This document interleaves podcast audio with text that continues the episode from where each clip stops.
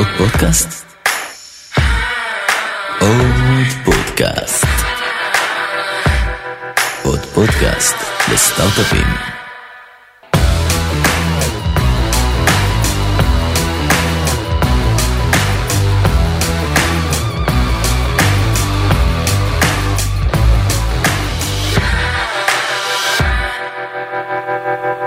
רועי, מה שלומך? מצוין, מה שלומך? בסדר, בסדר גמור. פעם שנייה בפודקאסט, יש לי היום בכלל פרק אה, מיוחד בכל ההיבטים. אחד, אני גם מראיין אותך, רועי אליהו מסולט, ושם אתה תספר תכף על מה אתם עושים, אבל בגדול זה פעם שנייה שאתה מתראיין אצלי, ואז את עמיעד סוטו, מגסטי, שגם מתראיין אצלי כבר.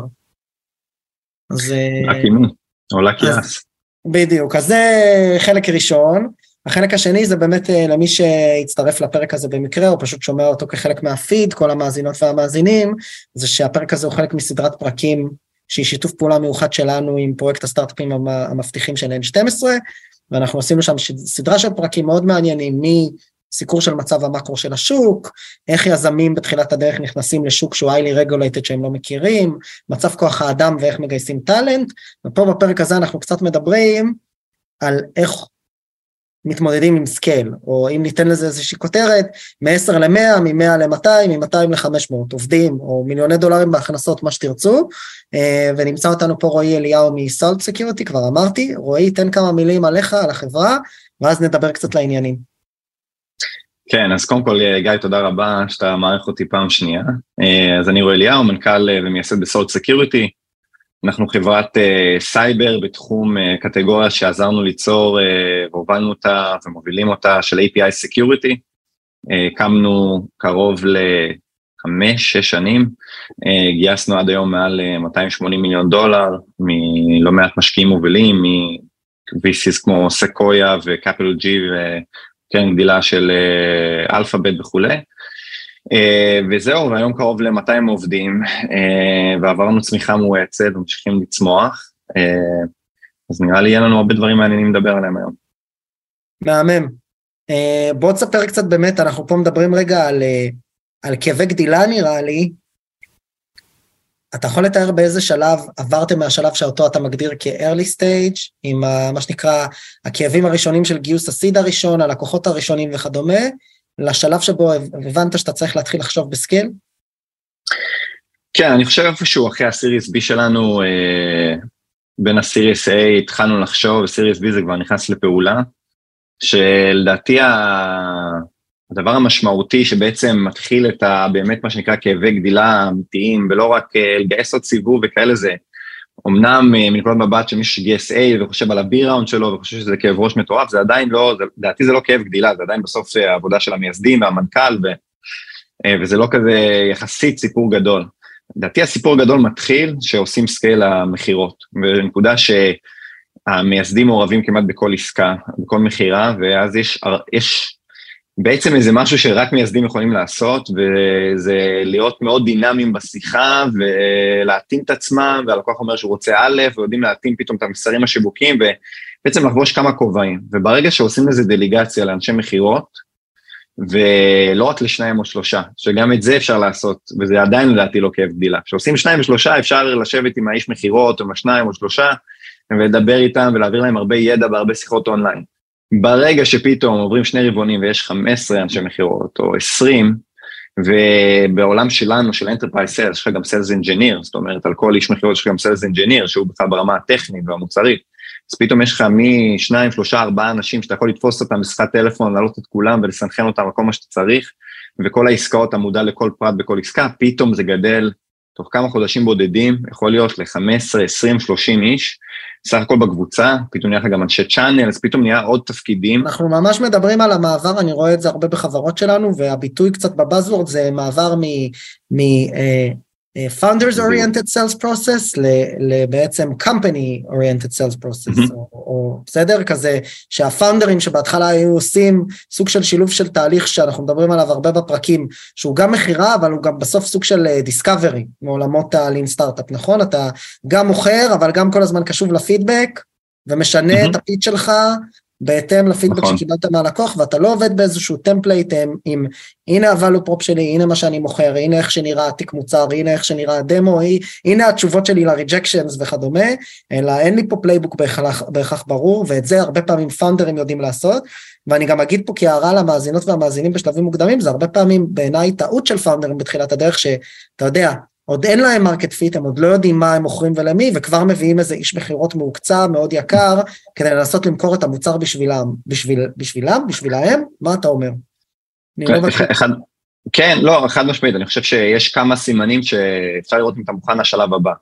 אז אני חושב שקודם כל אתה צריך למצוא את כבר כמייסד, לראות שזה מתחיל להיות רפטטיבי אה, בעסקאות, שכבר אה, מוכרים את אותו value, את אותו use cases, אתה, אתה כבר לא צריך להיות יצירתי יותר מדי, כי כבר מה שאתה אומר זה כבר נהיה איזה סוג של, ה-success criteria לעולם של enterprise עושים הרבה פעמים POCs או POVs, ה-success קריטריה כבר נהיה מאוד דומה, אז אתה אומר, אוקיי, אני מוכן כבר להביא איש מכירות ו-sales engineer, וכבר להתחיל לצפות בהם מהצד, כאילו להיות צל ולראות, אם לא הייתי שם עם הדבר הזה, אם הם צריכים לסגור עסקה end-to-end, ואם לא עושים את התיקונים, ועושים עוד עסקה ועוד עסקה, ואז יש את הנקודה שצריך לקחת צעד אחורה ולתת להם ולראות אם הם יכולים לקחת עסקה מקצה לקצה, אולי להסתכם באופליין, אבל כבר לא להתערב, כבר לא להיות על השיחות עם הלקוח, כבר שלא יהיו תלויים ויודעים שהם שמה להישען עליך, אה, אם הם לא יודעים משהו מסוים או לענות על שאלות מסוימות. Mm-hmm. רק אחרי שאנחנו ראינו שכבר אנשי מכירות ממש, הראשון, השני, השלישי, כבר יכולים לסגור עסקאות כבר לבד, שפתאום אני רואה, וואי, עסקה נסגרה, לא ידעתי בכלל ש...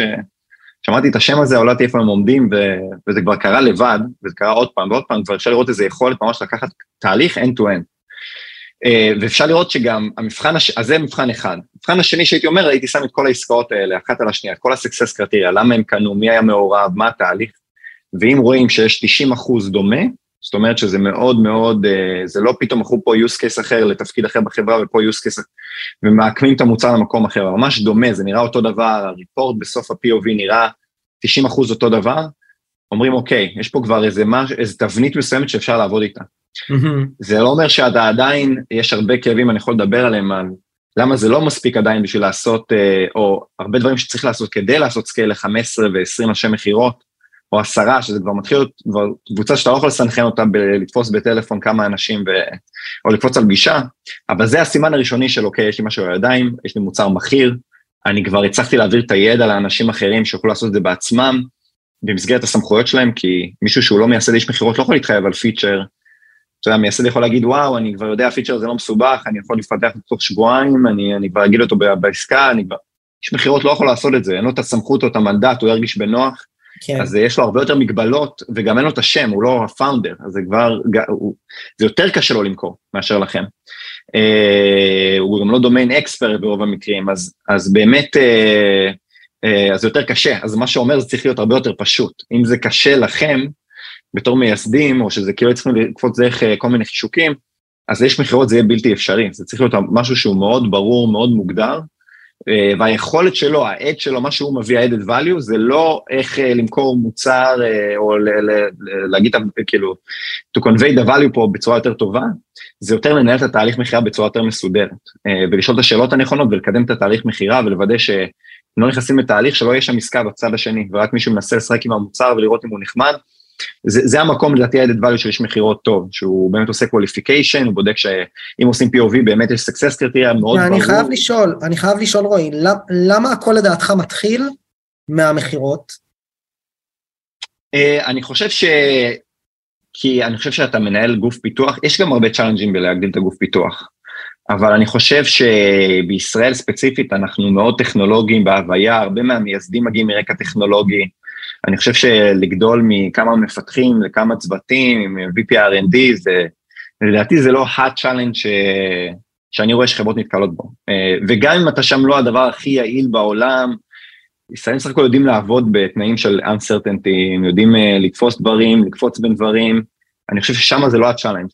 אני חושב שכל התחום של הסקייל של מכירות זה ידע שבסוף, רק בשנים האחרונות סטארט-אפים התחילו לגדול פה ולא להימכר אחרי מיליון, שתי מיליון דולר, שלוש מיליון דולר, חמש מיליון דולר של נכון. מכירות, עושים אקזיט 200-300 מיליון דולר, ו, ופותחים עוד חברה ומוכרים אותה עוד פעם, ופתאום לוקחים את הצעד מעבר. שם חסר לדעתי לא מעט ידע, אה, וגם רוב הטאלנט בתחום הזה הוא לא מישראל, הוא, הוא בעצם בארצות הברית, אה, בעיקר כשוק מרכזי, ושם פתאום יש תפקידים שלא, אתה לא מכיר לפני, פתאום אתה צריך Sales Enablement, איך אתה מסנכרן עכשיו 15 אנשים, אם יש לך פיצ'ר שאתה משחרר, שיש לך שלושה אנשים, אתה אומר, תקשיבו, שבוע הבא נכנס פיצ'ר, ככה הוא נראה, תופס שני אנשים, זה מאוד קל. אתה יכול לעשות הרבה דברים אונליין. פתאום שיש לך 15, 20, 30 איש, פתאום צריך להיות תאריכים ברורים.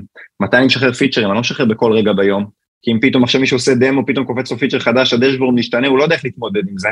כן. אז צריך פתאום לסדר הכל שזה יהיה הרבה יותר תהליכי, הרבה יותר מובנה, כי, כי פתאום המערכת נהיית הרבה יותר מורכבת, ו, וכבר אין את היכולת של בן אדם אחד לסנכרן את הכל, או לשלוח הודעות, או לאלתר את הכל, צריך להיות הרבה יותר מובנה.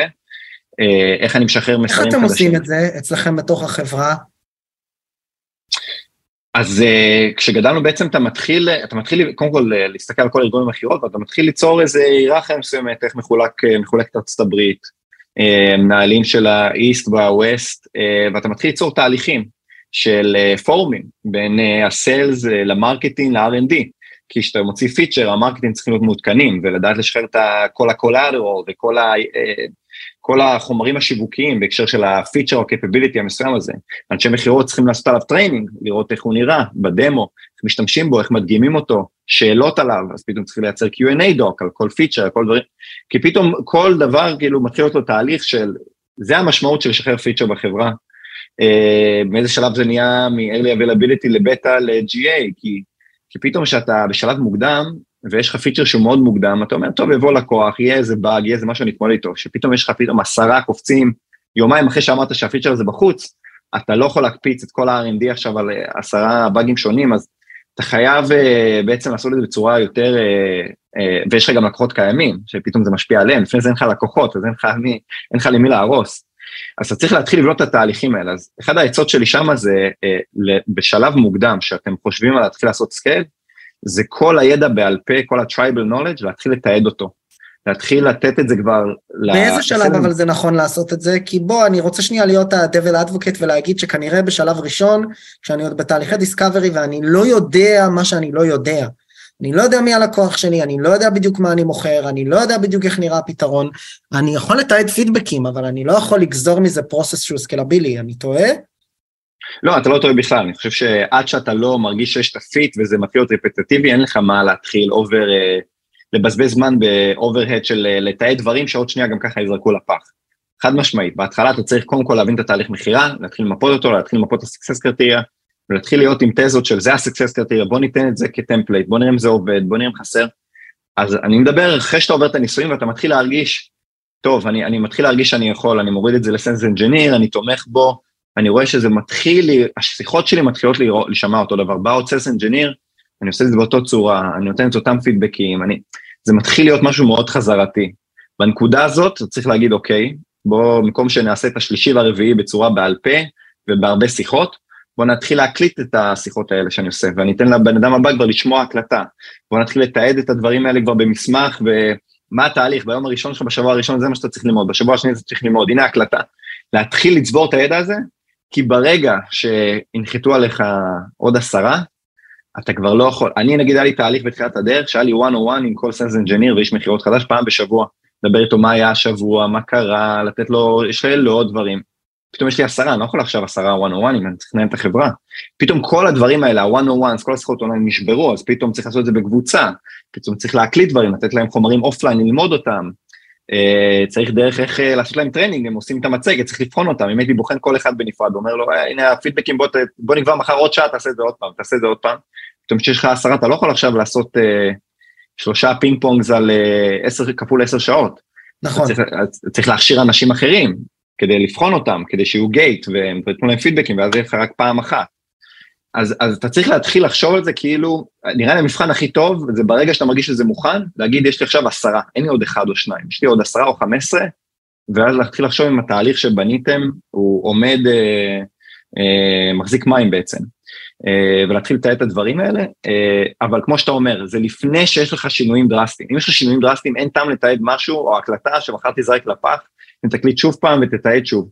אתה צריך שזה יגיע למצב ש-80 אחוז אתה מרגיש שזה די... די סגור, ויש עוד 20 אחוז בסדר של אדפטציות, תמיד יהיה, גם בשלב שלנו תמיד יש אדפטציות והשוק משתנה וצריך להתאים ולהתחדש, אבל זה 80 אחוז שמה, ו-20 אחוז אתה עושה תיאומים ולא הפוך, לא... איך, איך, שאר, איך שאר המחלקות uh, צריכות uh, להגיב לדבר כזה? זאת אומרת, בסופו של דבר אנחנו באים ומתעדים, אני שנייה רק עושה איזשהו rephrasing, אנחנו באים ועברנו כבר את שלב ה... initial product market fit, זאת אומרת, אני לא בא ואומר עכשיו שאנחנו מוכרים במאות מיליוני דולרים, אבל אנחנו כבר מבינים שיש לנו תהליך ראשוני שאנחנו יודעים לשכפל אותו. אנחנו יודעים איך כן. להגיע לליד, אנחנו יודעים איך לעשות לו qualification, אנחנו יודעים איך להכניס אותו למערכת ולעשות לו דמו ולסגור איתו בסוף עסקה. ספציפית אגב, חשוב להגיד, אה, בשיחה קצרה שעשינו לפני הפרק, אנחנו מדברים פה עליך ועל סולט שזה יותר enterprise sell, יותר B2B, בסדר? כן. ואז אנחנו בעצם מסתכלים על התהליך הזה קצת במטה שלו, במטה מ"ט א', לא, תהליך לא מת, כן. ואומרים בוא נראה איך אנחנו משכפלים את, את זה, מה חוזר על עצמו, איך אנחנו מייצרים איזשהו playbook אמיתי, כתוב ו-process, נכון. שמאפשרים לשכפל את התהליך ואז לתת לאיש מכירות שהוא N פלוס אחד, אם יש לנו N אה, אנשי מכירות, משלושה עד 200, ולהגיד לו בוא, ככה, ככה מוכרים, בסדר? וככה כן. נכנס פיצ'ר חדש וכולי.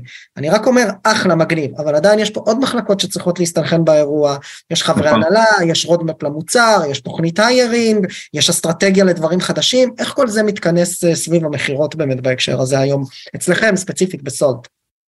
אני חושב שאתה מתחיל עם קודם כל תהליך של אה, מה, מה היעדים שלי לשנה, אה, כמה אני צריך לה, להביא ב-revenue חדש, כמה לקוחות מבחינת retention וכולי, והכל מתחיל, וכמובן מבחינת employees והיירינג וכולי, הכל נגזר משם. כדי להביא את כמות ה-revenue הזה אני צריך ככה עסקאות, כי זו העסקה הממוצעת שלי. ככה אני צריך כמות אנשי מכירות, כי ככה זה הקווטה של כל איש מכירות. אה, ואתה מתחיל לבנות מודל ואתה ממדל את זה אחורה, כמה, אז כמה פיילוטים יהיה לי, כמה לקוחות, אז כמה יחס בין כמות לקוחות לכמות customer success זה צריך להיות, וצריך גם לבנות את הארגון הזה, אגב, שגדל המכירות. אה, כמה אנשי product אה, אני צריך, בהתאם לכמה לקוחות יש לי, כמה אנשי R&D יש לי, כאילו יש גם יחסים שם. אז אתה מתחיל קודם כל מה, לאיפה אני רוצה להגיע, כי בלעדי זה אתה, אין לך למה לתכנן. ואז אתה מתחיל למפות הכל אחורה. אה, אני צריך כמות revenue כזאת, זה אומר שישה חודשים לפני אני צריך כמות פיילוטים כאלה, זה אומר שלושה חודשים לפני כמות לידים כאלה. אה, בשביל כמות לידים כאלה אני ככה צריך להשקיע בשיווק, אני צריך את האנשים, כדי להגיע לכמות לידים כאלה אני צריך איש אה, ב field, אני צריך demand gen, אה, אני... הכל מתחיל בתוכנית שאתה מסתכל קדימה, לאיפה אתה רוצה להיות, אתה ברור שאתה לא יכול, אתה יודע, לנבא בדיוק, ככל שאתה יותר מוקדם זה יותר קשה, אבל יש לך איזה מצפן ויש לך גם משקיעים ויש לך גם בנצ'מרקים, זאת אומרת, זו חברה טובה, היא צריכה לגדול בקצב הזה, ואתה מתחיל לבנות הכל אחורה, על בסיס כל הידע שיש לך, ומתחיל אה, לגייס בהתאם. אני אתן עוד טיפ פה שלדעתי הוא מהותי. אחד הדברים שלי, לפחות בהתחלה, שאני חששתי, אמרתי, טוב, אני מאוד קרוב למכירות, ממש לפני שנים, ש, שאני בכל מכירה, ואני לא רוצה אולי להביא מישהו שיוביל את כל ה-SEs, אה, כי, כי אני מרגיש שזה ייצור איזה חוצץ ביני לבין השטח, לבין העסקאות. אה, ומשכתי את זה הרבה זמן, כי פחדתי, אמרתי, לא, אני חושב שזה עוד יותר סגור, זה לא יהיה 80 אחוז, זה יהיה 90 אחוז. וזה היה טעות, אה, בדיעבד הייתי מגייס את הראש צוות או את הדירקטור מוקדם יותר, ועושה את זה איתו ביחד, זאת אומרת שהוא יהיה איתי שם בכל החפיפות, אה, בכל המקומות, כי אין נקודה שפתאום זה יגדל, ובנקודה הזאת אני צריך שהבן אדם הזה יהיה כבר אה, מוכן לפעולה ויכול להכשיר ולתעד את הדברים.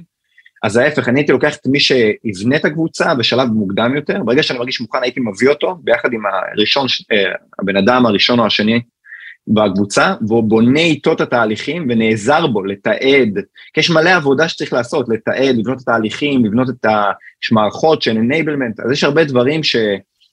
אה, אל תחשבו שזה יהיה חוצץ, תחשבו על מישהו, מישהו ב mindset הנכון, הוא לא יחצוץ ביניכם, ההפך, הוא ירצה אתכם שם, הוא ירצה שתעזרו לו, הוא רוצה להצליח בתפקיד, אז קחו אותו לידכם, ואז המעבר אה, בעצם בגדילה יהיה הרבה יותר משמעותי, כי אם אתם לא עושים את זה, ופתאום גדלתם במלא אנשים, אתה גם צריך להביא את הבן אדם, לוקח חודשיים שלושה לגייס אותו, כן. צריך להכשיר אותו עוד שלושה. אתם גם צריכים לבחור איתו את האנשים, לבצע את ההכשרות, זה מסובך.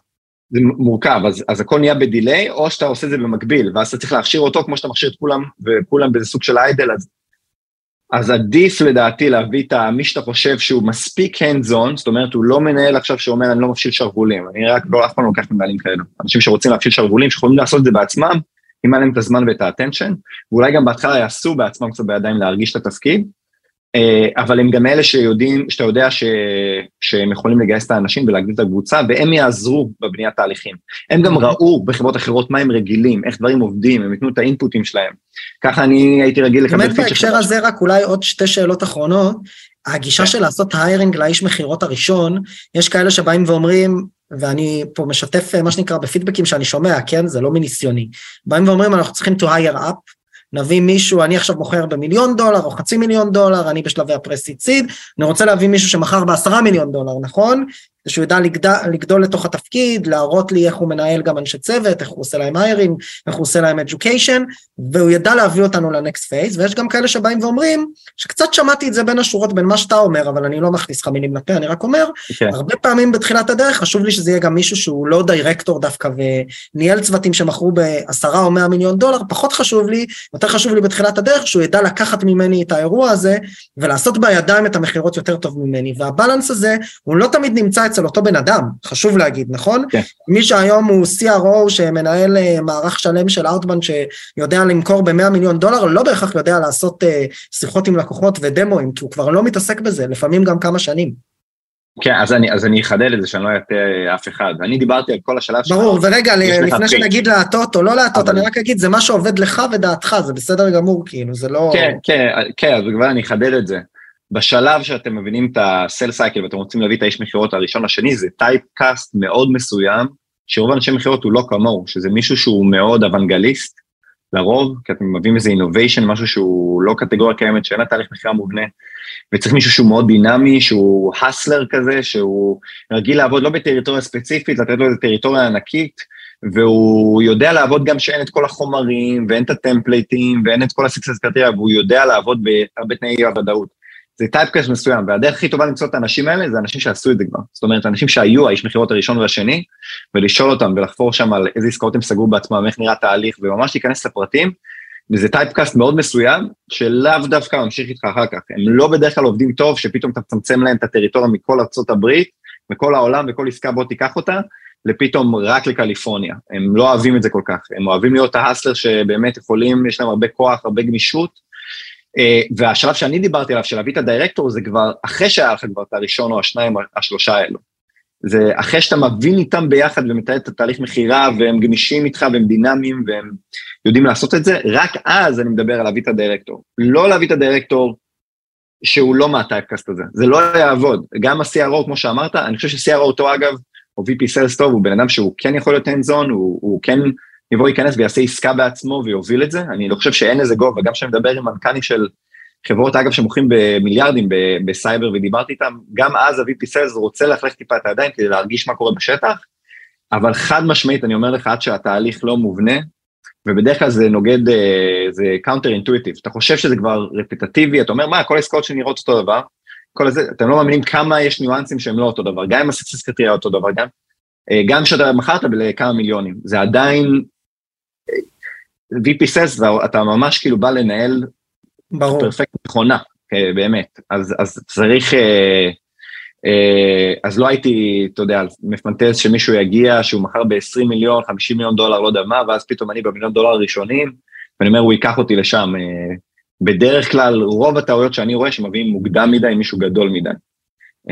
ואז הוא מגייס מלא מלא לאנשים, ואז יש לך מלא אנשים ומלא תהליכים, ואתה עדיין צריך לעשות אדפטציות, ומאוד קשה לעשות אדפטציות. מהירות שיש לך 20 אנשים שכל אדפטציה צריך לספר ל-20 איש מה, מה עשית אותה, איך עשית אותה, איך אתה מספר עליה, על הפיצ'ר, על הסלייד, זה לפני הקודם, זה למחוק אותו, אתה רוצה לעשות למחרת עוד שינוי, עוד פעם לסנכרן, זה, זה הרבה יותר כאב ראש, כאילו ממש תחכו, אה, ולדעתי שתעשו את זה, זה יהיה תהליך הרבה, הרבה פחות painful. מעולה. רועי, אני רוצה להגיד לך המון המון תודה, אנחנו קוראים עכשיו uh, לעמיעד. יש עוד uh, ככה איזה משפט אחרון uh, שאתה רוצה להגיד בזמן שעמיעד מצטרף אלינו? Uh, הדבר היחיד שאני אגיד שזה כאילו כל חברה שלא לקחת uh, יותר מדי קשה טעויות, uh, אני חושב שכל חברה עושה טעויות, אין שום חברה מצליחה שלא עשתה כל מיני טעויות ותמיד מביאים אותו מוקדם מדי, אותו מאוחר מדי. אה, לא הייתי מתרגש ב... להיות באבל או להיתקע יותר מדי על טעויות, אלא מהר מאוד להסתכל קדימה ולהתחיל לתקן ולהמשיך לרוץ. אז לא להיתקע על טעויות, פשוט להסתכל קדימה, להמשיך לרוץ, זה בסדר, כולם עושים אותם, והשאלה הגדולה זה מי, מי יצליח להתאפס מהר ו, ולקום ולהמשיך לרוץ ו, ולא לבזבז זמן יקר. speed זה, כמו שאחד המשקיעים שלי אוהב להגיד, speed זה business strategy, כאילו. אז לרוץ מהר פשוט, מהירות זה אסטרטגיה עסקית. מעולה, אני טוב גם לתרגם משפטים. רועי, המון המון תודה, אני רוצה להגיד לך תודה רבה עמיעד, עמיעד אתה איתנו, אנחנו נשמח מאוד שתצטרף אלינו. אני כאן. רועי, תודה. תודה לכם. אז עמיעד, מה שלומך? זו פעם שנייה שאתה בא אלינו כמו רועי, אני מאוד מאוד מתרגש שאתה כאן. אני אשמח שקודם כל, למרות שזו פעם שנייה שאתה מתראיין אצלנו, אולי תספר באמת בכמה משפטים עליך ועל גסטי ככה למי שלא מכיר. בפרק הראשון שהתראיינת בו, אנחנו דיברנו באמת קצת על תחילת הדרך, קצת כמו עם רועי. פה העסקה, העיסוק הוא יותר בסקל, אז אני אשמח שבאמת ניקח את זה משם. אבל קודם כל כמה משפטים על גסטי ועליך ברשותך. בשמחה, אז קודם כל תודה שהזמנתם אותי שוב. תמיד כיף לבוא ולדבר איתך, גיא. גסטי, למי שלא מכיר, היא חברת תוכנה, תוכנה לניהול נכסים, על התפר בין נכסים שמוזכרים לתקופות קצרות, לנכסים שמוזכרים לתקופות בינוניות וארוכות, והיא תוכנה שמספקת פתרונות end-to-end, מה שנקרא, כל מה שחברות ניהול נכסים צריכות. וכמו שאמרת, גדלנו הרבה לאחרונה, אפילו מאז הפרק שבו השתתפתי איתך. גסטי היום מונה מעל 700 עובדים ב-15 לוקיישנים בעולם ועוד מלא נקודות רימוט. קנינו כשש חברות עד היום, זאת אומרת עשינו חלק מהגידול שלנו דרך M&A, חלק מהגידול אורגני. וזהו, אני אשמח לספר לאנשים פה על מה גידול כזה אומר במובנים אה, אה, לוגיסטיים. אז אני אשמח מאוד שניגע מה שנקרא נאחוז בנושא בקרניו ובוא נדבר על זה קצת כי באמת בפרק הקודם דיברנו קצת על, ה, על ההגעה ל product market fit, על הלקוחות, על הגיוסים הראשונים ופה באמת הנושא הוא יותר קצת בוא נקרא לזה כמו שאמרנו עם רועי מ-10 עד 50, מ-50 עד 100, מ-100 עד 200 גם בעובדים ואולי גם בהכנסות טפו טפו טפו. איך נראה או משתנה התפקיד שלך אגב כמנכ"ל לאורך החברה סביב שינוי התהליכים והצמיחה. כן, אז קודם כל התפקיד של המנכ"ל משתנה כל שנה בערך, וזה חלק מהסיבה שאני חושב שלהיות מנכ"ל אה, אה, זה מאוד מקביל אה, ל excitement של יזם, כי אם, אם אתה מצליח והחברה באמת גדלה, אז כל שנה התפקיד שלך ממשיך להשתנות. אה, ההבדל הוא ככל שאתה גדל יש יותר אנשים סביבך שכבר עשו דברים בעבר, יש לך יותר resources להביא אנשים אה, עם המון ניסיון ועם יכולות פנומנליות ואתה לומד מהם המון. אני חושב שחלק מהסיפור בגדילה, כמו שאמרנו, מ-10 ל-50 ומ-50 ל-500, זה שכל אחד מהשכבות האלה דורשות adjustment של החברה. זאת אומרת, אנשים שהיו מצוינים כשהיינו עשרה אנשים, אם הם לא עשו את השינויים העצמיים שלהם להתאים את עצמם לחברה של 100 או 200, לבד כבר, מאוד רצינו שהם יישארו איתנו, ולבד הם הבינו שזה כבר לא אותה חברה, והם צריכים להתאים את עצמם או לחפש חברה אחרת, ואנשים שבאו לחברה של 200 וגדלו איתנו ל-700 כבר לא, לא ראו אף פעם את, ה, את התקופה של, של 10 אנשים ואחרים. זה גם מושך סוג אחר של בני אדם. אנשים שמגיעים לחברה של 10 אנשים אוהבים לשבת בגראז', מה שנקרא, עד 10 בלילה, ולשבת עם הפאונדרים ולהזמין פיצות, ואנשים שמגיעים לחברה של 200, אתה, הם, הם אנשים שרוצים להיות uh, עם המשפחה שלהם בבית בשעה מסוימת ול-work-life balance. אני חושב שאחד הדברים שאנחנו עושים, אנחנו תמיד שולחים uh, employee survey uh, כל איזה חצי שנה, ואני רואה את הציון של work-life balance עולה עם השנים, היום הוא כבר במקום מצוין, כי, כי אני חושב שהחברה התאימה את עצמה עם השנים לסדר יום אחר, וכשהיינו צעירים וקטנים, אז הסדר יום לא שרצינו את זה, פשוט אנשים חיכו אותנו, אם אני ואחי אה, קובי, שהיה co-founder שלי, היינו במשרד, אז אנשים פשוט לא הלכו, זה, זה לא בגלל שאמרנו להם לא ללכת. זה האווירה. של... זה האווירה, בדיוק. מעולה.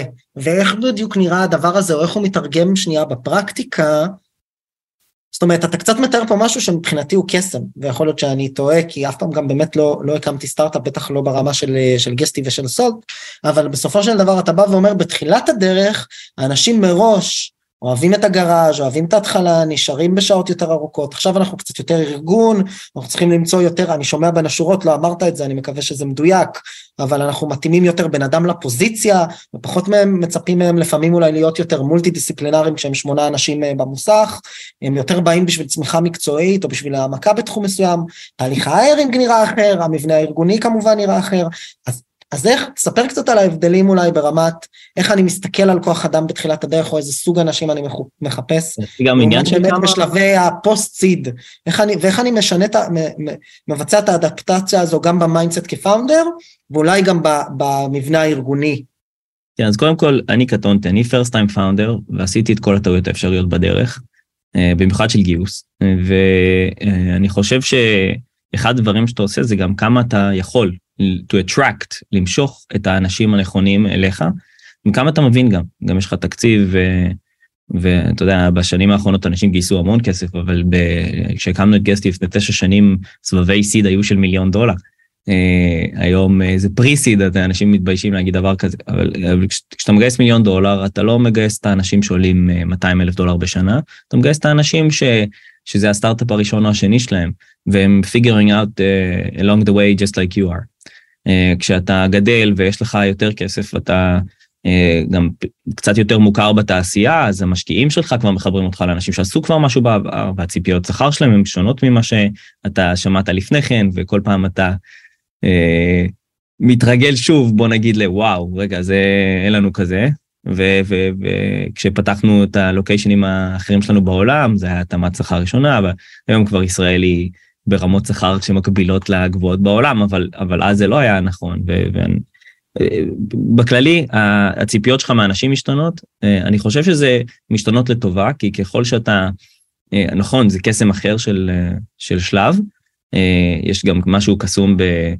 מישהו שהוא רב גווני ועושה הכל, אגב, אני חושב שזה, עדיין קורה, זה פשוט קורה ברמות גבוהות יותר של הארגון, זאת אומרת, ה-COOית שלי, ה president אה, ורד רביב שוורץ, תמיד אה, היא התראיינה בפודקאסט אחר, שהתפקיד של ה-COO הוא הסוג של ה fixer, אה, הבן אדם ש, שהוא רב גווני ועושה את כל הדברים האלה. פשוט היום, ברמות היותר ברזליות של הארגון, אנשים הם הרבה יותר specialized, ואז זה מאפשר לנו להביא מישהו שהוא כל כך מומחה בתחומו, אבל התחום שלו מאוד מצומצם.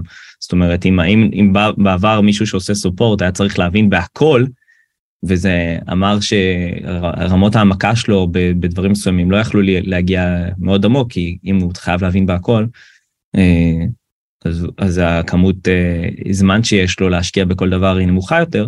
היום אה, אנחנו ממש, אה, ארגון ה support שלנו הוא כבר אה, מעל 100 אנשים, ואז כל בן אדם יכול, ממש, יש כבר גילדות של, של מידע, ואנשים שמבינים ב payments מבינים ב payments, ואנשים שמבינים ב accounting מבינים ממש ב accounting. זאת אומרת, אתה מביא כבר אנשים עם, עם אפילו תארים בתחום, וזה נותן יכולות שקשה מאוד להתחרות בהם. אגב, זה יוצר competitive advantage לך בשוק, כי עדיין, אתה מתחרה מול שחקנים אחרים בשוק, ו- ורוב השחקנים שאתה מתחרה בהם, אין להם את הריסורסס כבר, ככל שאתה גדל, להתחרות בך, והם יותר מזכירים מה שאתה היית קטן. כן. לכל דבר יש יתרון וחסרון, כשאתה קטן, המהירות אה, שינוי, זה כמו סירות, תחשוב לסירה ענקית. יכול להיות יותר גמיש ולהתאים את הסיר למכסה, כי הסיר הוא לא בדיוק כן. סיר והמכסה הוא לא בדיוק מכסה, ואתה נותן אווירה אחרת, ואולי גם תגמול באופציות יותר גדול, ואווירה של חלק מהפאונדנטים. אתה יותר גדול, יש יותר process, זה יכול להיות לפעמים קצת יותר מייגע, בוא נודה על האמת. זה גם אפילו... אבל מצד שני, אתה יכול לתגמל יותר טוב. נכון, אבל זה אפילו, אפילו לא רק ברמה של ה-HR, אפילו ברמת המכירות. אמר פה רועי לפניי, שכל enterprise sales מגיע עם דרישות אחרות, ואתה תמיד רואה דברים שלא ראית לפני כן, נכון? אז, אז אפילו ברמה הזאתי, ש, אה, שאתה כבר הרבה יותר מנוסה, ואתה בא עם enterprise sales חדש, ואתה רוצה להזיז את הסירה ואת ה roadmap, שאתה קטן, אז, אז כל אחד כזה יכול להיות or break it של הרבעון, ולכן אה, כולם מתיישרים ו- ומשנים את כל ה roadmap בכל enter, כל גחמה של enterprise. וכשאתה גדול, אה, גם ה enterprise הכי גדול הוא כמה אחוזים אה, קטנים מה revenue שלך, ו- ויש roadmap שאחראי להרבה יותר גדול, ו- ואז אתה מתחיל לאט לאט כבר לא להיות גמיש כל כך ב- ב- ביכולות pricing שלך וביכולות אה, אה, אה, תמרון של ה roadmap שלך. אנחנו עדיין גם בגודל של Guesty מנסים לשמר אה, כל מיני גמישויות, אבל הם, בגלל שהצוות ה-R&D שלנו כל כך גדול, אז אנחנו מנסים לשמר את זה בצוותים ספציפיים ולא כארגון כולל. זאת אומרת, יש צוותים שמקבלים 100% גמישות והם יכולים לשנות את ה roadmap שלהם כל שבוע, ויש צוותים שאחראים ל architecture ודברים כאלה, והם נעים בווקטורים מאוד ארוכים, שלפעמים ב DevOps שלנו היה איזה וקטור של שנה, שנעו לכיוונו, וכשסיימו אותו, היה לו קפיצת איכות מטורפת לכל המערכת. זאת אומרת, יש עדיין צוותים זה היופי בארגון בגודל של Guesty, זה שיש צוותים שיש להם חזון ו- ואורך רוח ו- ו- ואורך שנים ליישם את מה שהם רוצים להשיג. זה מאפשר לך, אגב, הכסף והגדילה, לעשות דברים אסטרטגיים כאלה של long term, וגם צוותים קטנים שנעים בזריזות ומאינקובציה של רעיון ב strategy, הם הגיעו למוצר בתוך שבועות. אז בוא, בוא נדבר באמת אולי קצת על, ה, על המתח הזה בין long term ל short term. אנחנו בסוף סטארט-אפ ורוצים לזוז מהר, ואמרת שיש צוותים שיש להם roadmap שנתיים קדימה, וכאלה שיכולים לשנות אותו שבועי, שבועית. מה, תספר לי קצת, תספר לי קצת איך אתם מנהלים את זה, ואיך אתה כ founder מתייחס לזה באמת. זהו, אז אני founder עם היסטוריה טכנית, וזה אחד הדברים הכי גרועים שיכול להיות לך, כי אז אתה תמיד משתגע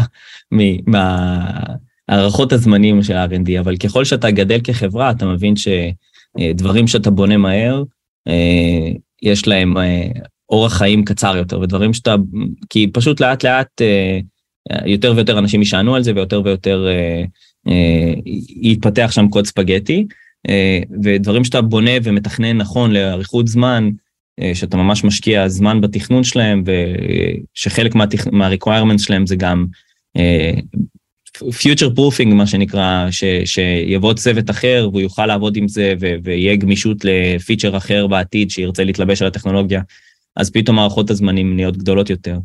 אה, אנחנו מנהלים את זה קודם כל עם CTO מאוד מוכשר, יש לנו אה, גיל, גיל וסרמן שהגיע אלינו מ Fiverr ו-VP product שהגיע אלינו מ Skai שבעבר היו נקראים Kenshoo ו-VP R&D שקידמנו מבפנים והמון המון אה, אנשים עם המון ניסיון, ש, שלאט לאט בנו גם ארכיטקטורה. אה, גם אנחנו, יש לנו מונוליט היסטורי שנקרא לגאסי, ומנסים להיפטר ממנו, ותמיד. כמו חברת אה, פינטק גדולה, סתם סתם. כן, אבל, וגם לנו יש עשרות אם לא מאות מיקרו סרוויסים קטנים שהם כבר לא במונוליט ההיסטורי הזה. זאת אומרת, תמיד מאז ש... שהתחלנו להתקדם בוקטור הזה, זה פשוט איזון בין השקעה בארכיטקטורה לבין New Functionality והתקדמות אינובייטיב אה, במוצר.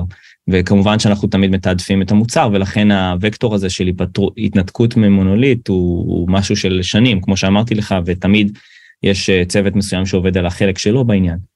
אה, אבל זה משהו יותר ארוך טווח. איך אנחנו... כן, סליחה, תמשיך, סליחה. קטעתי לא, אותך. אני מנסה לחזור לשאלה המקורית שלך, של איך אנחנו מנהלים ארגון, אגב, ה-R&D ב Guesty היום הוא כבר מעל 200 אנשים. איך אנחנו מנהלים ארגון כזה גדול, שיש בו 25 צוותי פיתוח, ויש בו אה, צוותי פיתוח של חברות שקנינו, ו- והם הגיעו מ stack אחר בכלל.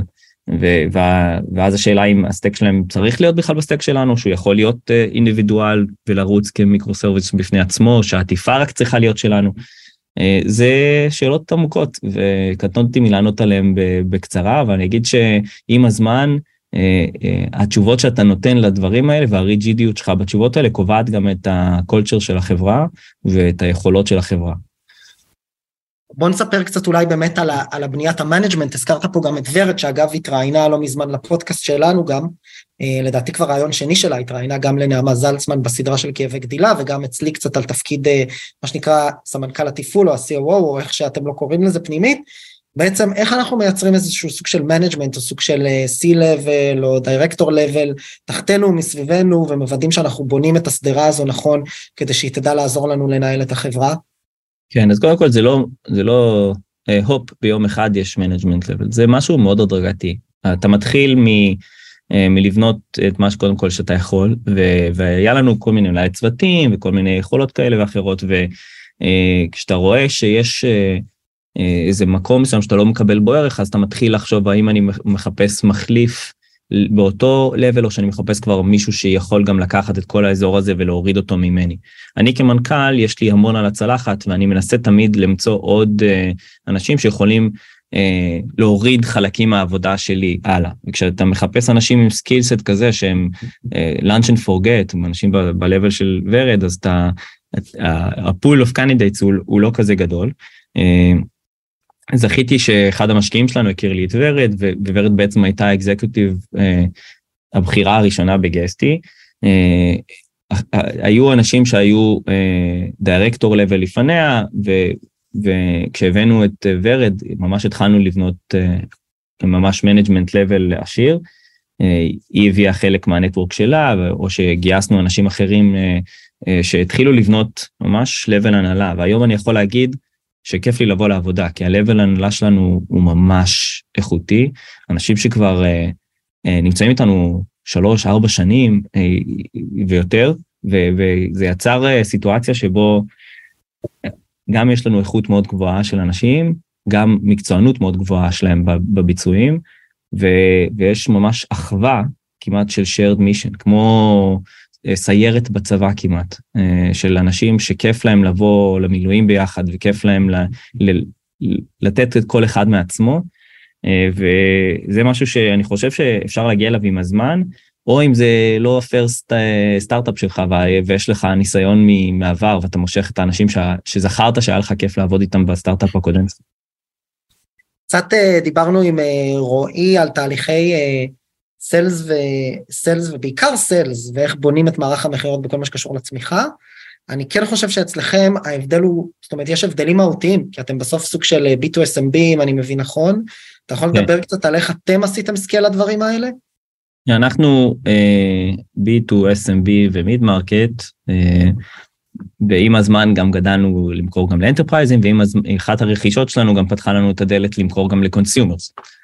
Uh, כל אחד מהדברים האלה הוא מאוד שונה בתכליתו. אני תמיד ממליץ, uh, במיוחד ב-early stage, לעשות את זה בעצמך כפאונדר. Uh, רק ככה תבין את המחזור חיים של מכירות. ורק אחרי שאתה עושה איזה 10-20 פעם ואתה כבר מבין את המחזור חיים של מכירות, מספיק כדי ללמד את הבן אדם שיבוא אחר כך אה, אה, לעשות את זה ב-repeated, אה, רק אז תעביר את זה הלאה. האיש שתעסיק כדי לנהל את המכירות בהתחלה יהיה מאוד שונה מהאיש שינהל את המכירות שיש לו עשרה אנשי מכירות כבר אחר כך. זה אותו on שרועי דיבר עליו, וכשאתה כבר על 50 אנשי מכירות זה כבר סוג אנשים אחר, כי הם כבר אפילו לא מדברים עם לקוחות, הם עסוקים כל הזמן בניהול צוותים, גיוס צוותים, בניית uh, Sales Enablement Team, Sales Enablement זה משהו שהשקענו בו רק אחרי הרבה שנים, וזה בעצם משהו שהאיש הראשון יצר לעצמו את החומרי מכירה שלו. אתה יודע, כן. אין, אין לו מחלקה שעושה את זה, הוא פשוט יוצר לעצמו את הדק של הדמו ואת הספיץ שלו, זה אפילו לא repeated. ואחרי שאתה יוצר כבר ארגון, אז אנשים כבר חוזרים על אותו דמו, עושים כבר אה, על אותו objections, אה, מעסיקים אנשים בכל העולם שיכולים לעשות repetitive אה, stuff כזה. אה, ויוצרים אה, עוד ועוד אה, סינרגיות שאתה יכול למדוד לאורך השנים אחר כך. ב enterprise sales, במיוחד אם זה on the ground או outbound sales, זה יוצר ארגון שהוא מאוד שונה מה-inbound sales, כי הוא עסוק ב hunters יותר מ-convincers כאלה, נכון? במקום כן. להתעסק ב-conversion, הם מתעסקים בלייצר intent. בדרך כלל זה בא עם מחלקת SDR גם, שזה משהו שצריך להקים.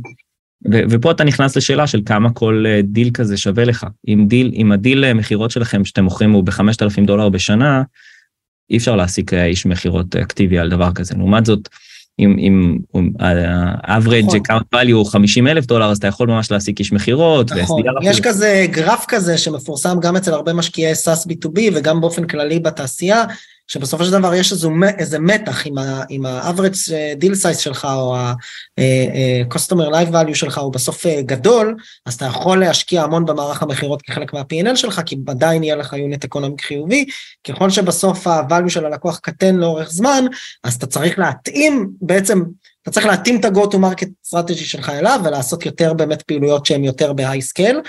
והרבה פעמים אנחנו רואים בתחילת הדרך יזמים שמנסים להגיע ל... לרבע את המעגל או להגיע את המרובע ובעצם באים ואומרים בסדר אני אעשה תמיד היי טאץ' סל בסדר עם איש מכירות שעולה מאות אלפי דולרים אבל ה-average deal size שלי הוא מאות דולרים או אלפי דולרים או עשרות אלפי דולרים אפילו לפעמים זה לא מספיק ולא מבינים שבסוף זה לא מייצר אה, sustainable business model אז זה נקודה סופר חשובה. תמיד אני ממליץ לא להמציא את הגלגל כי המוצר שלך הוא המצאת הגלגל, ובפרוססים עדיף לא להמציא את הגלגל. זה אחד הדברים שאתה, בכלל, אם אתה צריך כיזם לנסות לפקס את הצוות שלך, להשקיע את כל המאמצים שלהם רק בדבר הכי הכי חשוב, נכון? אז, ה, אז המוצר הוא הדבר הכי חשוב לאנשי המוצר שלך, ואנשי מכירות, הדבר הכי חשוב להם זה למכור. להמציא את הגלגל ב... בדמואים או במחירים או בדברים כאלה, יוצר המון distraction. אנחנו, כשהתחלנו, לא היו מוצרים שעושים billing כזה בקלות, היה Stripe והוספנו את Stripe, אבל לא היה להם את ה logic, היינו צריכים לפתח את זה in-house, ועד היום זה אותו logic layer שיושב ב Guesty, מאוד מאוד קשה לשנות את זה, כי הוספנו עליו מלא מלא שכבות, אנחנו עכשיו עוברים ל... לחברה חיצונית שעושה ממש billing logic, וזה כאב ראש ענקי, זה פרויקט של שנה רק לשנות billing logic במערכת, כי יש כבר כל כך הרבה זרועות לתמנון הזה של, של מערכת ה billing ב Guesty.